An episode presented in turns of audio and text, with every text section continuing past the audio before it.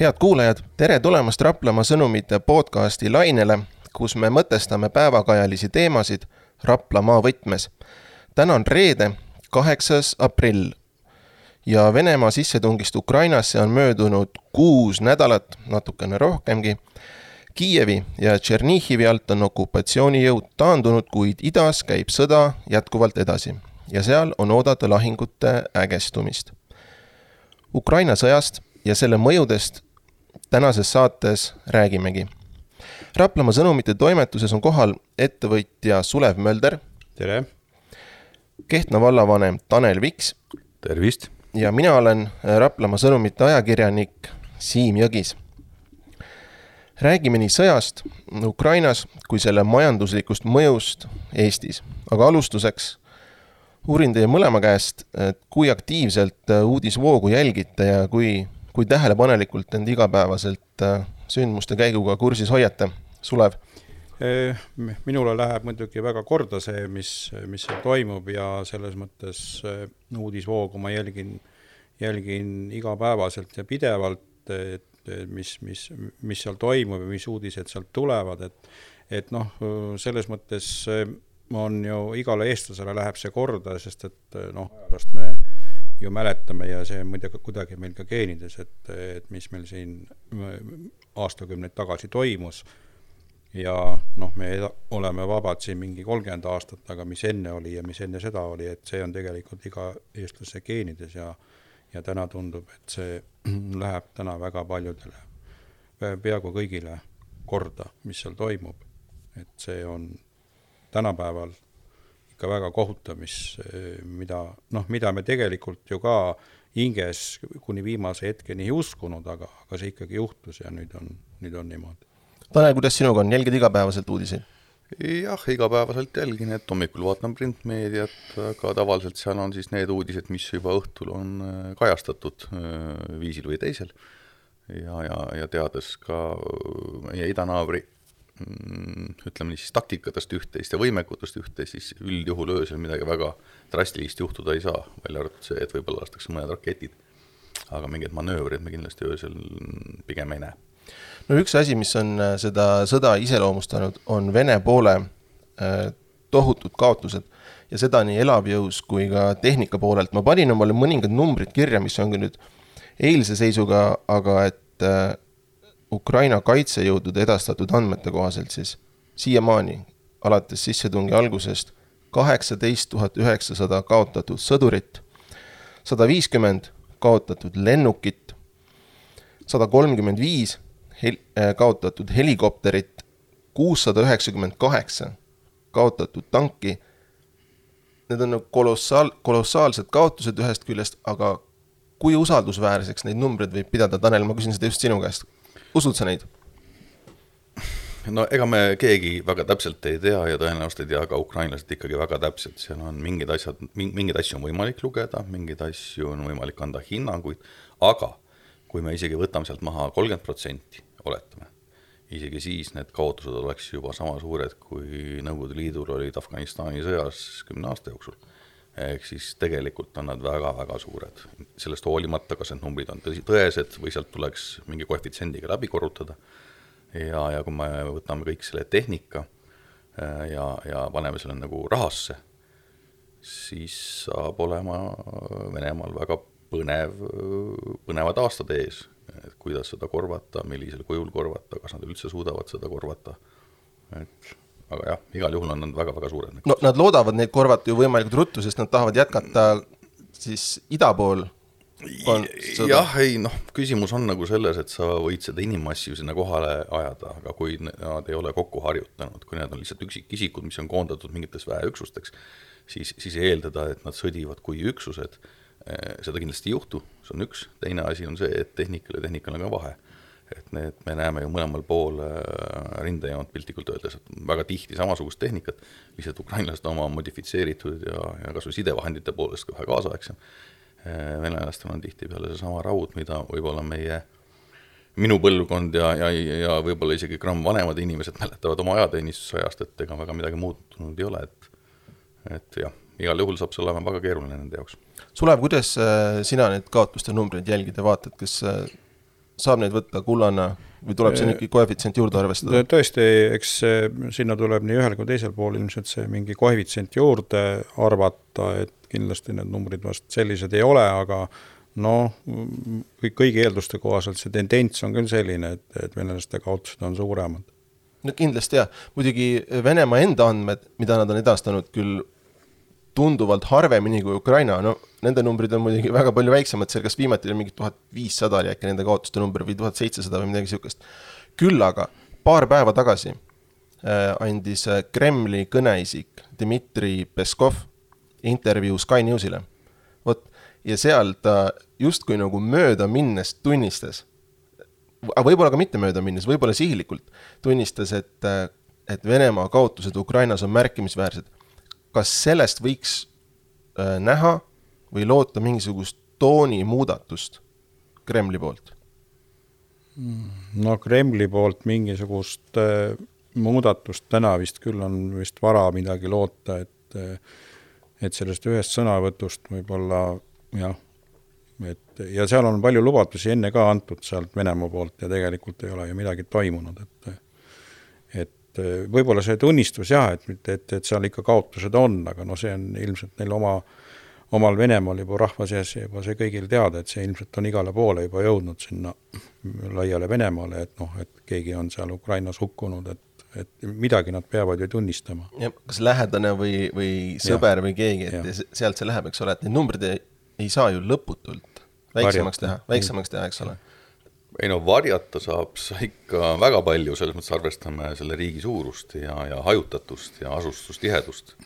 et kui me tuletame kas või meelde seda Afganistani invasiooni või ka Tšetšeenia sõda, et ega siis tavaliselt võetakse ikkagi neid nekruteid või ajateenijaid või sõdureid sealt nendest kohtadest, mm, mis ei oma nagu riigi mõttes väga suurt äh, vastukaja, ehk siis see, see informatsioon jääbki väga tihti kuhugi, kuhugi mingisuguse oblasti või, või, või linna piiresse, et, et ega neid Moskva ja Piiteri poisse eh, ei ole seal ju kunagi väga, väga tihedalt olnud, sest seal see informatsioon leviks oluliselt kiiremini mm. -hmm. aga, aga see, et nad kasutavad väljendit märkimisväärselt, see on, on iseenesest väga huvitav. Äh, ja, ja nii nagu diplomaatias ja eriti venelaste puhul tuleb vahel lugeda nagu ridade vahelt, äh, et aru saada, siis, siis see on selline märk, et, et nad tõepoolest Äh, on need suuremad, kui nad planeerisid. kas see võib muuta nende käitumist? Äh, mina ei oska seda prognoosida, aga, aga kui me vaatame kas või mm, sellist, sellist äh, inimelust hoolimist, siis või no kas või minu arust kas või Teise maailmasõja mingisuguseid lahinguid, et ega siis, kui läks sada tuhat, läks kasti, võeti järgmine sada tuhat. et tänapäeval maailmas see enam niisama lihtne ei ole aga, aga, aga selge see, et see inimelul ei ole nii suurt väärtust kui läänemaailmas mm. -hmm mis oli veel minu jaoks kõnekas selles samas äh, Peskovi intervjuus, äh, läks paarkümmend sekundit mööda ja siis ta ütles järgmise asja, mis minu jaoks on küll täielik naljanumber. Äh, ta ütles seda, et, et Venemaa tõmbas oma väed Kiievi alt välja hea tahte märgiks, et läbirääkimised saaksid jätkuda, see on ju naljanumber. see on lihtsalt taandumise ilustamine noh, jah, selles mõttes, et jah, meil on selline kultus selline, et mehed ei nuta, et, et, et ja siis nad ka ju eemalduvad sealt saarelt, aga, aga, aga organiseeritult, et no mhm. natukene jah, et see on, see on ebaõnnestumise varjutamine mingite lausetega ja siin tuleb nagu ilmselgelt aru saada, et seal on nagu siseriiklik kommunikatsioon ja välisriiklik kommunikatsioon, kusjuures see välisriiklik enam väga palju rolli ei mõju, et ei mängi, tähendab, sellepärast et niikuinii seda keegi väga ei usu aga, aga siseriiklikult nad peavad kuidagimoodi selle asja ju udutama ja, ja paika rääkima mm. -hmm, just, nüüd ähm, äh, veel, mis on siin viimastel päevadel ju kõige rohkem isegi vastukaja tekitanud, on nende massimõrvade avastamine Kiievi eeslinnades. Butša, Irpin, Hostomel, kõik, mis seal Kiievist lääne pool on. Äh, ja need on kõik hirmsad vaatepildid, ma eeldan, et te olete neid pilte näinud, eks ole? et, et eh, noh, neid nagu ümber kirjeldada ei ole kuidagi mõtet või isegi võimalik. aga minu küsimus siinkohal on see, et kui me juba nendes paikades nägime selliseid pilte, kas võib eeldada, et eh, ülejäänud kohtades, mis, mis veel vabastatakse, on pilt samasugune? jah, kindlasti. Ma ei usu, see käekiri on kindlasti kõik üks. vot, selline on, on, siin on üks siin, siin on kaks asja, et kui me näeme sõdureid niimoodi käitumas, siis, siis tähendab tõenäoliselt, on kaks varianti, kas ohvitserid neid ei kontrolli või neile on antud vastav käsk. kui ohvitserid neid ei kontrolli, siis tegelikult on tek-, on tekkinud juhitamatu pande. Ja selle juhitamatu pandega, isegi kui ta ümber formeerida, kuhugi järgmises kohas lahingusse minna, on sisuliselt võimatu, sest tegemist on marodööritseva õhuga mm. -hmm nüüd, kui on tegelikkust antud nagu vastav käsk, eh, siis see tähendab, näitab seda Venemaa põletatud maa taktikat, et me, noh, mõistusega inimene ei lähe alasid, mida sa sooviksid pikaajaliselt kontrollima, selle taristut ja inimesi enda vastu keerama mm. -hmm. ehk siis sa käituksid mõnevõrra teistmoodi. See tähendab seda, et see näitab sellist loobumist, et okei okay,, et siin me niikuinii kanda ei kinnita ja, ja siis jäägu siis teeme, jätame musta maa ja, ja põletatud asjad meid, meid väga see ei huvita. noh, see põletatud maa taktika oli neil tegelikult ka Tšetšeenia sõjas ja tegelikult samasugune taktika oli neil mingi aeg tagasi, kui nad Süüriasse läksid.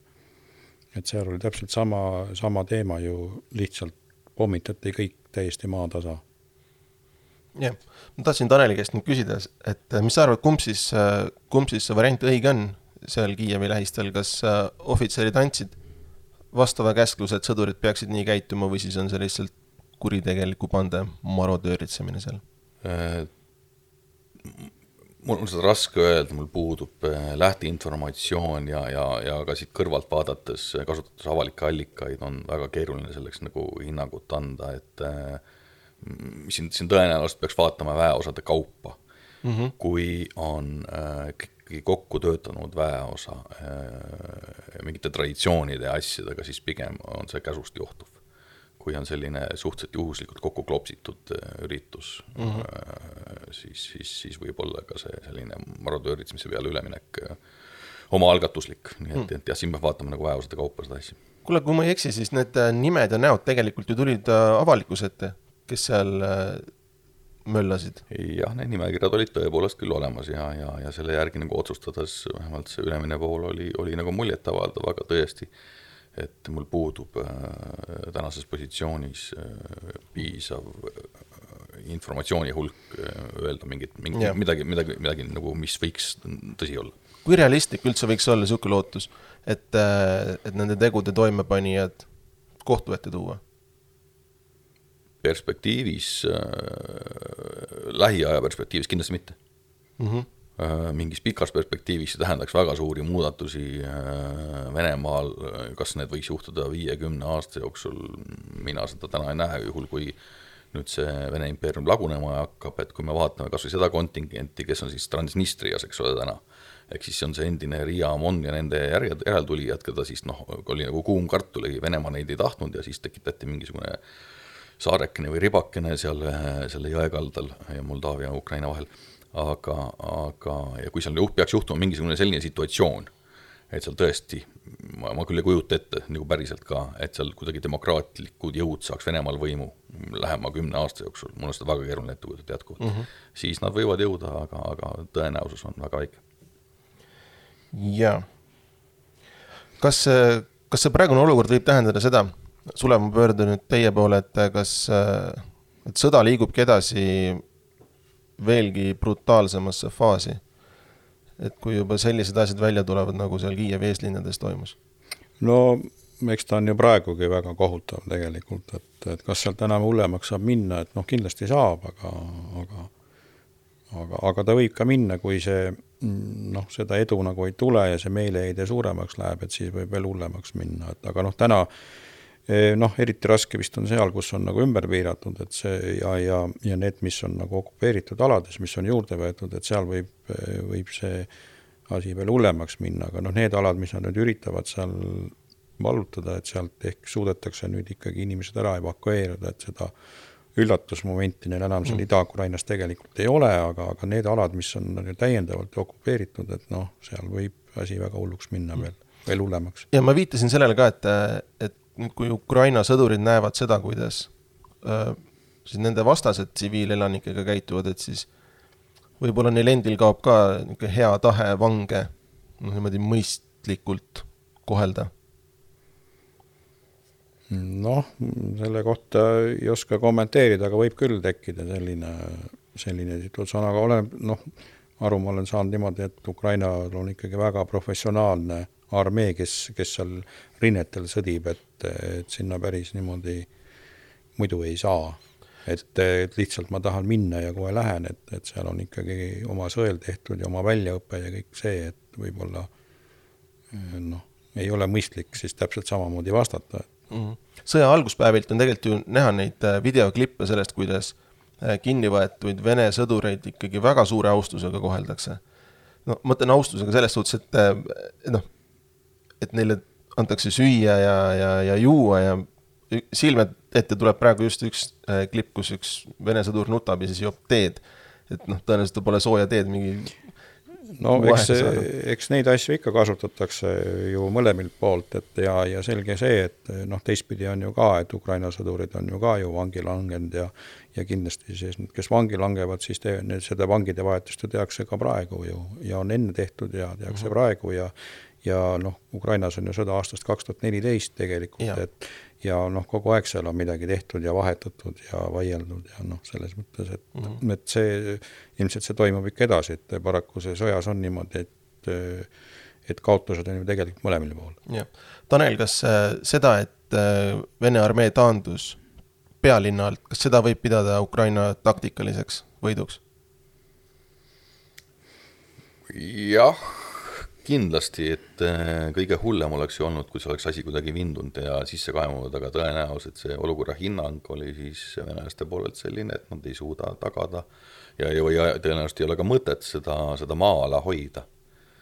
et, äh, et see oli ilmselt äh, otsus, et need kaotused oleks oluliselt suuremad ja milliseid plaane seal üleval tehakse, seda ei, mina kindlasti ei tea aga, aga ma arvan, et see on sümbioos, et kindlasti ukrainlaste surve ühelt poolt ja teiselt poolt ka venelaste tõenäoliselt siis teatud taseme äh, komandöride olukorra hinnang. ja, ja kindlasti pidi olema see ka kästud mm, -hmm. sest eks kindlasti ei saanud see olla nii, et, et okei okay,, ei saa hakkama ja tõmbame ennast välja. aga see ei saa, aga see ei tähenda ometi seda, et oht Kiievile on nüüd olematu eks see natuke nüüd sõltub pärast seda, mis hakkab juhtuma lähima nädala jooksul ja Ida-Ukrainas ja kuskil mujal ka lõuna pool või, või siis kogu Ukrainas. et eh, kui, kui, kui vaadata, noh, millised relvad neil jätkuvalt on, eks ole, millised manööverüksused neil on, aga ka ilmastikku, siis, siis siin on nii plusse kui miinuseid, et eh, sellist, sellist ebatäpset rakettidega laskmist, see ei ole väga efektiivne, kui sa tahaks kasutada massiivset kaudtuld, noh, ma ei teagi, BG kakskümmend üks või kaks S üheksateist, mis AS-i, siis see peaks oluliselt ligemale tulema siin kuni paari-kolmekümne kilomeetri distantsi peale. see tähendab seda, et siis sa peaks manööverdama sinna kuskile, et, et eks see on see mingisugune sümbioos asjadest ja kui sul ikkagi ei ole väga hästi välja õpetatud manööverüksusi, kokku harjutatud manööverüksusi ja võib-olla vähe teravamad äh, komandorid on ka seal äh, nii-öelda rivist väljas või teises ilmas, siis eks nad peavad otsustama, kus nad selle põhipingutuse sätivad mm. -hmm. tegelikult jaa, see on hea, hea punkt, mille sa välja tõid, see kõrgemate komandöride kaotus. kui ma ei eksi, siis kas äkki seitse kindralit on Venemaa poolelt äh, tapetud? Jah, nii on väidetud ja need avalikud allikad siis on seda ka osaliselt Äh, ja, ja või, või täielikult ka kinnitanud. see on päris suur number. Äh, see on väga suur number, et äh, ja, ja kui veel aru saada, et osa nendest on olnud nagu, siis peame aru saama, et kuskil kahe tuhandete alguses toimus üks niisugune reform ja seal oli neid kindraleid nagu niimoodi, et löö või katust ja siis lasti need äh, tublid kindralid, kes kõik portfell näpus seal kuskil erinevates staapides ja, kohtades äh, nii-öelda tööl käisid, lasti lahti ja siis eduta-, hakati edutama teatud äh, selliseid nooremaid ja pädevamaid ja võib-olla värskema mõtlemisega inimesi, kes on omakorda täna juba teatud kõrgesse ikka jõudnud.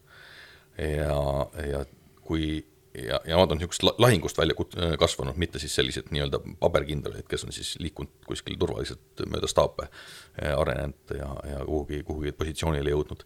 ja kui seal saavad nad nii massiliselt hukka, siis tähendab seda, et seal on, on probleeme kas sidega või on ukrainlased oma elektroonilise võitlusega väga head või noh, et tavaliselt need sellise tasemega inimesed ei peaks olema sellistes kohtades, aga nii on ja noh, palju õnne ukrainlastele ja kõnekas oli ka see ju, et tegelikult kui tähendab, kui konflikt algas, siis väidetavalt oli kakskümmend kindralit, kes Ukrainasse saadeti. kakskümmend, mõtle, ja siis rohkem kui kakskümmend viis protsenti neist võetakse rivist välja. jaa, aga tegelikult ma tahtsin küsida, kui te mäletate, siis äh, sõja võib-olla esimesel või teisel nädalal oli juttu sellest, kuidas äh, kuskil kas viiekümne või kuuekümne kilomeetri pikkune autokolonn liigub äh, Kiievi poole, mäletate mm? -hmm. sellest oli juttu, mis sellest sai see nagu justkui haihtus ei ta tõenäoliselt haihtunud, eks ta, eks ta siis keerati ümber ja hakati sealt vaikselt välja võtma ja osaliselt tõenäoliselt jäi seda tehnikat sinna päris kõvasti maha, et siin peab nagu aru saama, et me oleme siin Eestis harjunud natuke mõnevõrra teistsuguse maastikuga, eh, kui, kui, kui sealkandis on. ja, ja ilmastik on ka meil mõnevõrra teistsugune, aga ka Eestis, kus meil on siis valdav osa on maadest on ju soo. Kui me nüüd kujutame ette, et võtaks selle metsa maha ja üritaks neid autosid siia niimoodi otse üle põllu lasta mm. seal, siis noh, palju neist ikka kohale jõuab, et sa oled kanaliseeritud väga selgelt mingite, mingite teede peale ja ega sul nagu mänguruumi väga ei ole ja mingit manöövrit sa siin väga ei tee. et eh, oledki, istud seal üksteise järgi ja kuni on kütus otsas ja kui seda kütust ei suudeta siis ka sinna edasi ette toimetada mm, siis, siis, siis täpselt nii ongi ja võib-olla sealt tagumisest otsast hakatakse ära tõmbama ja osa kindlasti jääb maha ka. Nojah, ja seal oli ju ka palju seda, et seal ikkagi tehti palju seda protsessi ka, et noh, seal ju lasti väga palju neid kõrvalteede ja asjade sildu, sildu õhku, et noh, see liikumine oli selle võrra raskendatud, ei olnudki kuhugi minna ja see tehnika on ikka suht raske, et see ju tavaliselt metsas või maastikul ei liigu, et kevad on ju niisugune aeg, kus on ikkagi kui meil on sula, siis on seal ka sula, et noh, neil natuke varem kui meil ja noh, et ei ole nagu võimalik nagu põllul ka toimetada mingil momendil, aga aga sealkandis nagu neid eh, põlde ei ole ka palju, seal on metsa ja mm -hmm. niisugust värki, et see on nagu selline kant, et noh, see vähe teistmoodi loodus, et, et seal on nagu niisugust metsa, metsa ja värki ja noh, ainult suured teed nagu olid need ja, ja kui neid liikumisvõimalusi suht vähe on, et siis noh, ei olegi midagi teha. Mm, ma mäletan seda, kui Aktuaalse Kaamera õhtustes uudistes sellest esimest korda räägiti, siis see tundus kuidagi nii hirmuäratav, et nüüd tulebki mingi seitsekümmend kilomeetrit järjest äh, Vene sõjatehnikat Kiievi peale. aga nüüd tagantjärele vaadates, äh, võib-olla see oligi niisugune surnult sündinud plaan, et äh, logistika ei pidanud vastu, äh, kütust ei jagunud ja, ja noh, sõdurite moraal tõenäoliselt ei olnud ka kõige kõrgem. no eks siin, kui algusse vaadata, siin oli paar huvitavat äh, hetke, oli siis üks lõik näitas seda, et siis üksus, mis peaks tegema manöövri, ehk siis kui esimene üksus jookseb, on, on kontaktis, ja teine siis teeb mingi manöövri, kas haaramise või süvahaaramise ja siis teises selles seltskonnal, kes seda manöövri peaks tegema, siis seal on olemas selles autodes hoopis kilbid, kiivrid, see tähendab seda, et lähed tegema hoopis mingit sisekaitselist või noh, kuidas ma ütlen siis, rahva ohjamise ülesannet. eks nad ei ole, ei olnudki väga mõelnud selle manöövri peale, seda esiteks mm, -hmm. ja teiseks üks huvitav moment oli see, et kui nad hakkasid oma siis helikopteri dessante maha panema see tavaliselt markeerib mingit kohta, kuhu põhiüksus peaks jõudma siis kaheteist, kahekümne nelja tunniga, sõltuvalt üksuse suurusest, ja nad kunagi sinna ei jõudnudki mm. -hmm. et need olid niisugused kaks indikaatorit, mis olid päris algusest, tulid tegelikult nagu ära. Et millest võib omakorda järeldada, et see informatsioon, mille pealt seda operatsiooni mindi tegema eh,, oli väga auklik ja mindi ikkagi mõnevõrra mütsiga lööma ja, ja võib-olla ka massiga mm. -hmm. aga, aga mingit väga tarka plaani ei tundunud nagu väga olevat. aga sõdurite moraal on neil ka olematu, eks? jaa, seda, seda kindlasti, et noh, küsimus ongi selles, et kui su sõdur ei tea, miks ma teen, noh, piltlikult öeldes, jagu sõdib rühmasõdu, sõda, rühm sõdib siis Vene kontekstis, peaks sõdima mingit roodusõda, meil kompaniisõda ja nii edasi, edasi, ja kui sa ei tea, mis, mis on see kõrgema üksuse ülesanne, kui sa ei tea, miks me seda teeme, ehk siis küsimusele, miks ei suuda vastata, siis sa tegelikult oledki niisugune mõttetu kahuriliha ja kui sinu komandör ka ja, ja sellest kõrgem komandör ka mm, -hmm. kuni siis pataljoni ülemini, ülemani, tõenäoliselt mingit väga suurt pilti ei oma, siis, siis see moraal, see viib moraali kõvasti alla.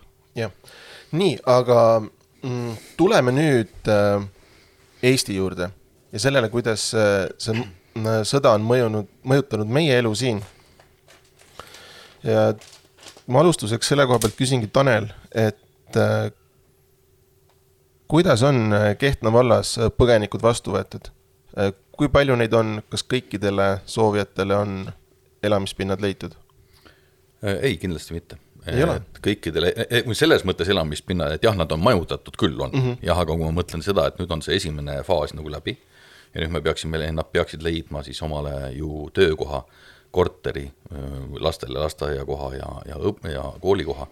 Ja kõik tegelikult summa summarum hakkab ikkagi peale sellest, et kus see inimene leiab endale sobivat tööd ja, ja sealt peab, sellest lähtuvalt ta peab ka leidma või, või otsustama, et kas ta jääb siis punkti, ma ei tea, Kehtna, Tartu, Tallinn, Pärnu, Rapla, kuhu iganes, äh, jääb elama.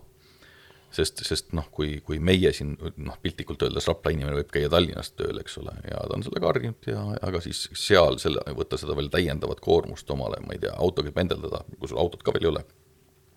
et kogu seda asja peab vaatama kompleksselt ehk siis tagasi selleks, jah, meil on inimesed on majutatud, jah, me oleme otsinud neile korterid ja jah, mõned on ka leitud, aga järgnevad küsimused hakkavad kõik taanduvad nagu sobivate töökohtade peale. Sulev, kuidas Orgita põld selles äh, olukorras on olnud ja kuidas sõda on mõjutanud äh, teie ettevõtte tegevust, kas on mingi niisugune tuntav mõju olnud? No selles mõttes äh, võib öelda, et noh, mm, kuna meil on niisugune nagu püsiv, püsiv, püsiv tootmine ja, ja kogu aeg tegevused, siis hetkel nagu meie tegevust otseselt sõda nagu selles mõttes mõjutanud ei ole, et, et noh, et noh, meil on nagu kõik ette planeeritud ja ja enam-vähem on kõik kontrolli all, aga noh, muidugi teatud sisendid ja, ja teatud asjad muidugi on sõja tõttu muutunud, aga, aga noh, selleks peab nagu valmis olema, et see kõik, mis meie peame siin võib-olla natuke rohkem mingi asja eest maksma ja midagi rohkem tegema, see võrreldes sellega kannatustega, mis Ukrainas täna on, et see on kõik, kõik noh, väga väike võrreldes sellega, et, et noh, eks me üritame siis nii palju neile, meil on ka osa ukrainlasi tööl ja siis pakume neile tööd ja, ja mõne pereliikmele abi ja noh, seda me ikka saame teha et see ei ole nagu probleem. Teil olid ukrainlased tööl siis juba enne, enne sõja puhkemist?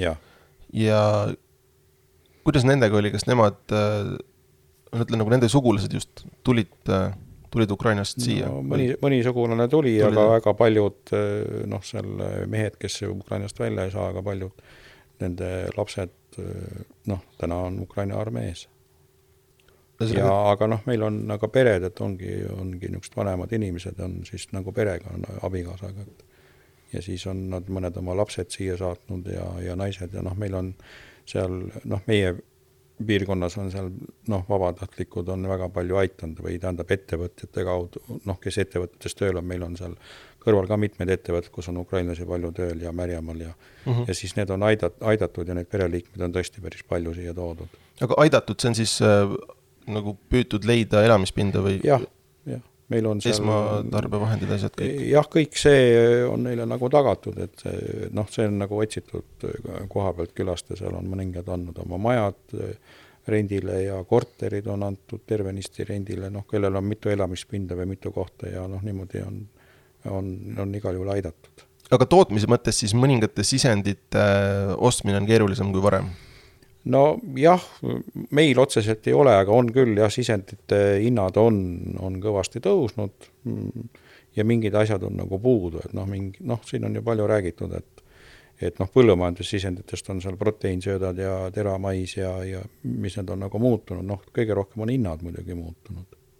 kallimaks läinud? kallimaks läinud lihtsalt, jah. aga kas muidu see kaup on tulnudki ida, ida poolt? no seda on tulnud igalt poolt, on igalt tulnud poolt. Eh, sealt Ukraina poolt ja on tulnud Venemaa poolt ja, ja, ja on tulnud, aga, aga noh, üt-, ütleme nii, et eh, noh, meie toodame teravilja ja ütleme piima, et noh, selles osas on Eesti on väga kõva tootja nii piima kui teravilja poolest, teravilja toodame kaks korda rohkem, kui meil vaja on ja piima noh, üks koma seitse, noh, seitse, kaheksakümmend protsenti praktiliselt rohkem, kui meil vaja on, et, et, et selles osas ei ole nagu Äh, nagu probleem, et võib-olla mõne sisendiga natukene on, aga, aga see on noh, ütleme, et nende tootmiste osas, millega meie tegeleme, on võimalik eh, nagu ringi mängida, et noh, siin on mm. palju räägitud eh, ka noh, siin noh, energiahindadest ja siis sellega seoses ka väetisega, et noh, põhimõtteliselt põllumajandustootjad on küll reeglina äh, töötavad niimoodi, et tegelikult meil järgmise hooaja väetise me ostame mm -hmm. praktiliselt juba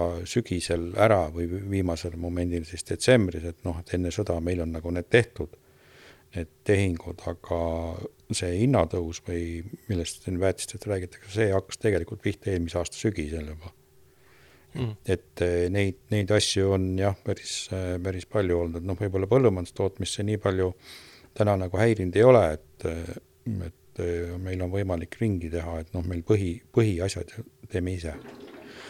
aga noh, eks siin teatud sektorid tegelikult on, mis, mis on noh, nüüd tuleb välja, et et, et siin on ehitus ja teedeehitus ja, ja siin on veel mingid sektorid, mis on päris palju sellest idapoolsest kaubast sõl- mm, -hmm. sõltunud ja ja, ja täna tundub, et on noh, kui meil on see varustusahel või selles mõttes see kindlustusahel põllumehel on üsna pikk, et me planeerime üsna pikalt ette omale need põhisisendid, mis meil vaja tootmiseks on, et siis, siis tundub, et siin võib-olla ei ole siin kõigil kõigil sektoritel see tarneahel nii pikalt nagu ära kindlustatud, et on natuke nagu e-poe põhimõtted tehtud, et mm. noh, et täna ma ehitan, täna mul on seda metalli vaja ja täna ma selle ostan, aga noh, et ette ei broneeri, kuigi leping on olemas, et noh, selles mõttes on natuke nagu tulnud välja, et, et noh, võib-olla on, on see liiga mugav olnud, see saadavus on väga hea olnud ja, ja mm., ja hind on suhteliselt soodne, mis sealt ida poolt tuli, et, et selles mõttes täna on natuke nagu selles mõttes raskusi, et ma, noh, ma, meil on, meile ise nagu ei ehita, aga meil läbi ühistu mm. Ma tean, et ehitus käib, et, et, et selles mõttes noh, on jah, metallide ja nendega on teatud raskused, just, just hinna suhtes, et et tarneahelad juba täna juba noh, siin mingi aja jooksul juba tegelikult on võimalik üht-teist asendada, aga noh, hind ei ole sama. Mhm. ja ma olen ka kuulnud seda, et äh, metalli puhul just, et äh, Venemaa ja Ukraina olid noh, ma nüüd ei tea, kas Euroopa suurimad metalli äh, eksportijad, aga noh, väga võimalik, et seal tipus, et et praegu on jah, metalliettevõtted on ka selle küsimuse ees, et millega seda toormaterjali asendada. kui palju on teadmatust praegu tuleviku ees? noh. kui palju on kindlustunnet, kui palju on teadmatust? no täna on selles mõttes kindel, et meil seda ei ole ja, ja me no, saame mõt... oma tegevusega jätkata mm. -hmm. et selles suhtes on, vähemalt selles suhtes on süda rahul? jah, et eh, noh, see jah, see selles mõttes jah, et, et noh, iseasi, mis need hinnad teevad, aga tänasel päeval noh, meie oma tegevust ei pea kuidagi ümber vaatama mm. -hmm. Tanel, kuidas, kas teie olete suhelnud kohalike Kehtna ettevõtetega, kui palju neid on mõjutanud praegune olukord? ei, ütlen ausalt ära, et ei ole otseselt suhelnud, aga ega see pilt on ju enam-vähem ju sama igal pool. et kui olla nagu kursis äh, nagu üle suuremate trendidega, siis ega siis äh, meil on samamoodi. ja aga, aga alati võib-olla oleks mõistlik nagu mõelda pisut teistes kategooriates, et, et äh, üheksakümnendate lõpus, kus me olime väga tõsiselt sõltuvad nagu Vene majandusest, Vene turust, ütleme siis nii nii ekspordi kui impordi mõttes, et siis, siis see kriis, kus Venemaa sisuliselt muutus maksejõuetuks, me haakisime ennast lahti, oligi keeruline, täna me, kas siis Venemaa, ma ei tea, mis meil see kaubavahetusbilanss on, see neli-viis protsenti, kas ta on või ei ole, noh, ega ta väga ei mõjuta mm. -hmm. ja need kogu aeg on tegelikult need kriisid, täna me, on siis valitsus andnud ka signaali, nagu ma aru saan, välja, et, et haagime ennast sellest gaasist lahti ele, elektri lahti haakimine siis sellest samast nii-öelda ühtlustumisvõrgust Äh, mis oli ühine selline siiamaani Venemaaga, oli ka plaan, et sisuliselt on needsamad kriisid ja keerulised hetked on sundinud meid muutma mingeid asju ja me oleme sealt nagu välja, välja tulnud tugevamalt. ja kui me vaatame ka ajalooliselt, siis eks jah, Teine maailmasõda lõppes, kui Lääne-Euroopas käivitati siis Marshalli plaan, siis siis äh, viiekümnendate lõpuks oli äh, ja teatavasti Venemaa ju või Nõukogude Liit võitis sõja siis, kui sa vaatasid kas või seda tänavapilti või elatustaset, siis oli küsimus, et kes siis, siis ikka sõja nagu võitis mm. -hmm. et kas nagu läänemaailm või, või Nõukogude Liit mm, -hmm. kuhu, kuhu kõik need Saksamaa tehased ära tassiti. et, et alati jah, ongi keeruline, aga alati tuleb näha siin võimalusi ja tõenäosus, et, et see, et me tuleme mingis uues kvaliteedis seal välja, et mina usun küll sellesse. kui ma ei eksi, siis äh, Eesti tanklates müüdav kütus tuleb ka Venemaalt, vähemalt kas otseselt või kaudselt tuleb Venemaalt.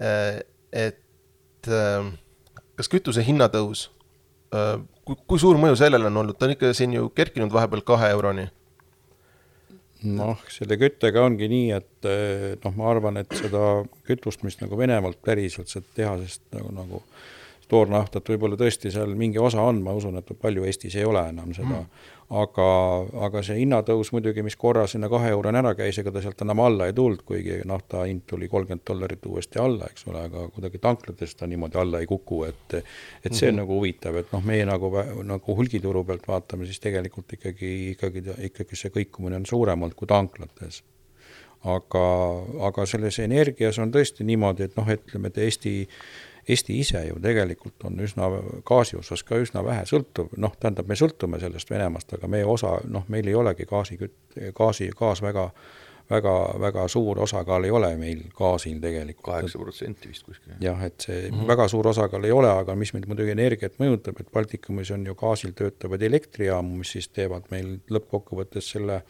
kõrge, kõrge elektri hinna siin börsil, et ja mm, -hmm. ja noh, siin ei lubata ja ei osteta ju meilt, ei olegi ostetud juba aastaid ju Venemaalt ju meile ka odavat elektrit sisse, võrguga me oleme ühendatud, et kuigi noh, tuleb välja, et läbi Soome võib seda ikkagi tulla, et nagu ja, ja just, jah. et, et noh, nii ja naa, et see börs, börs on nagu on, et noh, selles mõttes energiahindade tõus on olemas, aga me peame selle, ega tähendab, et kui me tahame ikka sellest Vene kaubast sõltumatuks saada, siis me peame mingit hinda maksma, aga no me võime täna ka ju kindlasti vaadata ka sinna otsa, et noh, meil, kui meil ikkagi see Vene-poolne nafta ja gaas ja süsi, mida me niikuinii ei kasuta, et need kinni keeratakse, siis tegelikult Eesti riigiga ei juhtu mitte midagi, et me saame selle väga edukalt asendada, et meil ei ole nende osakaal väga suur üldse.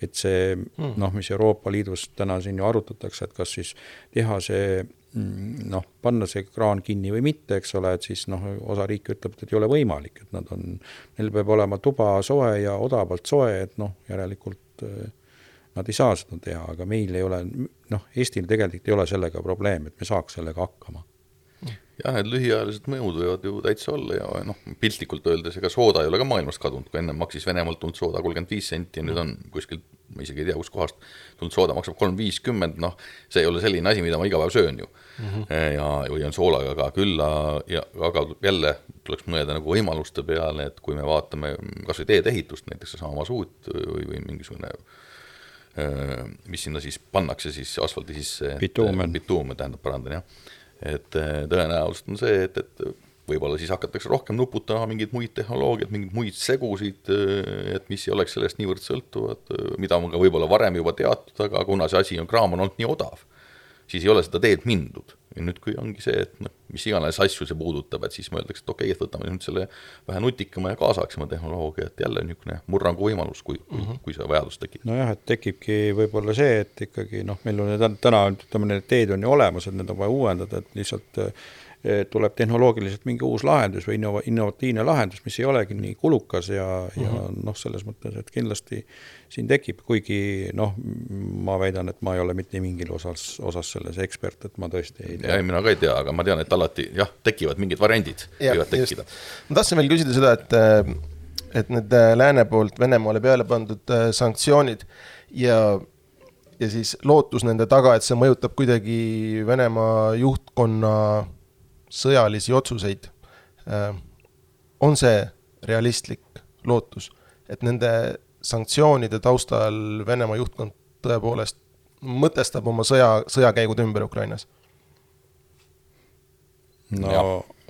praegu seda küll näha ei ole, et, et, et see nagu mõjunud on, aga need sanktsioonid on ka nagu, nagu on siin, et et neid pannakse, neid, neid, kuidas öeldakse, neid sanktsioonid tehakse ära, aga siis on mingid erandid ja erandid ja mm -hmm. ja erandid ja isikutele on erandid ja noh, noh niimoodi ta ei toimi ja see annab ju selle aja peale, annab ju mingisuguse, et noh, pannakse mingi ära, tuleb mingi järgmine, aga siis mõeldakse mingeid muid teid välja ja, ja noh, selles mõttes ega nad ei saagi otseselt mõjutada, sest et ega Venemaa majandus ei ole ju kogu see eksport et toorme eksport ei ole ainult seotud ju Euroopa Liidu ja Ameerikaga, et on ju ka teistes suundades, sealt ikkagi mingid rahavood säilivad.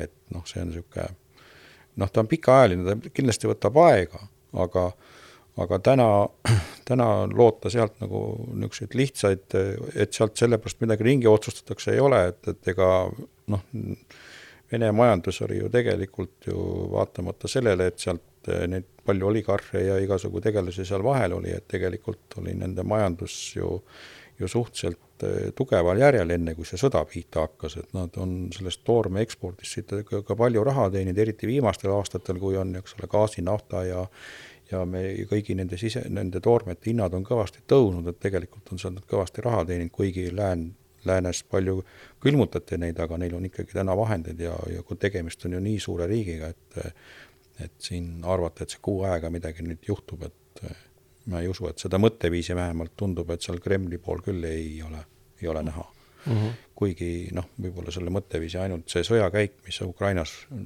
pöördub, ehk et see võib-olla siis paneb nad kuidagi kapituleeruma.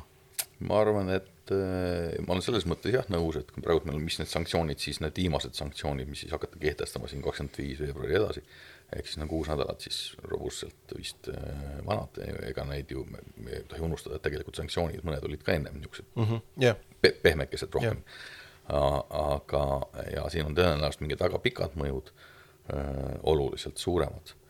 Et selle oodata, et nüüd kuue äh, nädalaga on kõik, kogu see majandus nagu käpuli tõenäoliselt ei lähe tõenäoliselt samamoodi ka neil tekib mingisugused võimalused, mingisugused uued plaanid, mismoodi oma asju seal püsti ajada, kas nad seda suudavad või mitte, kui ka ajusid välja liigub, see on nagu keeruline.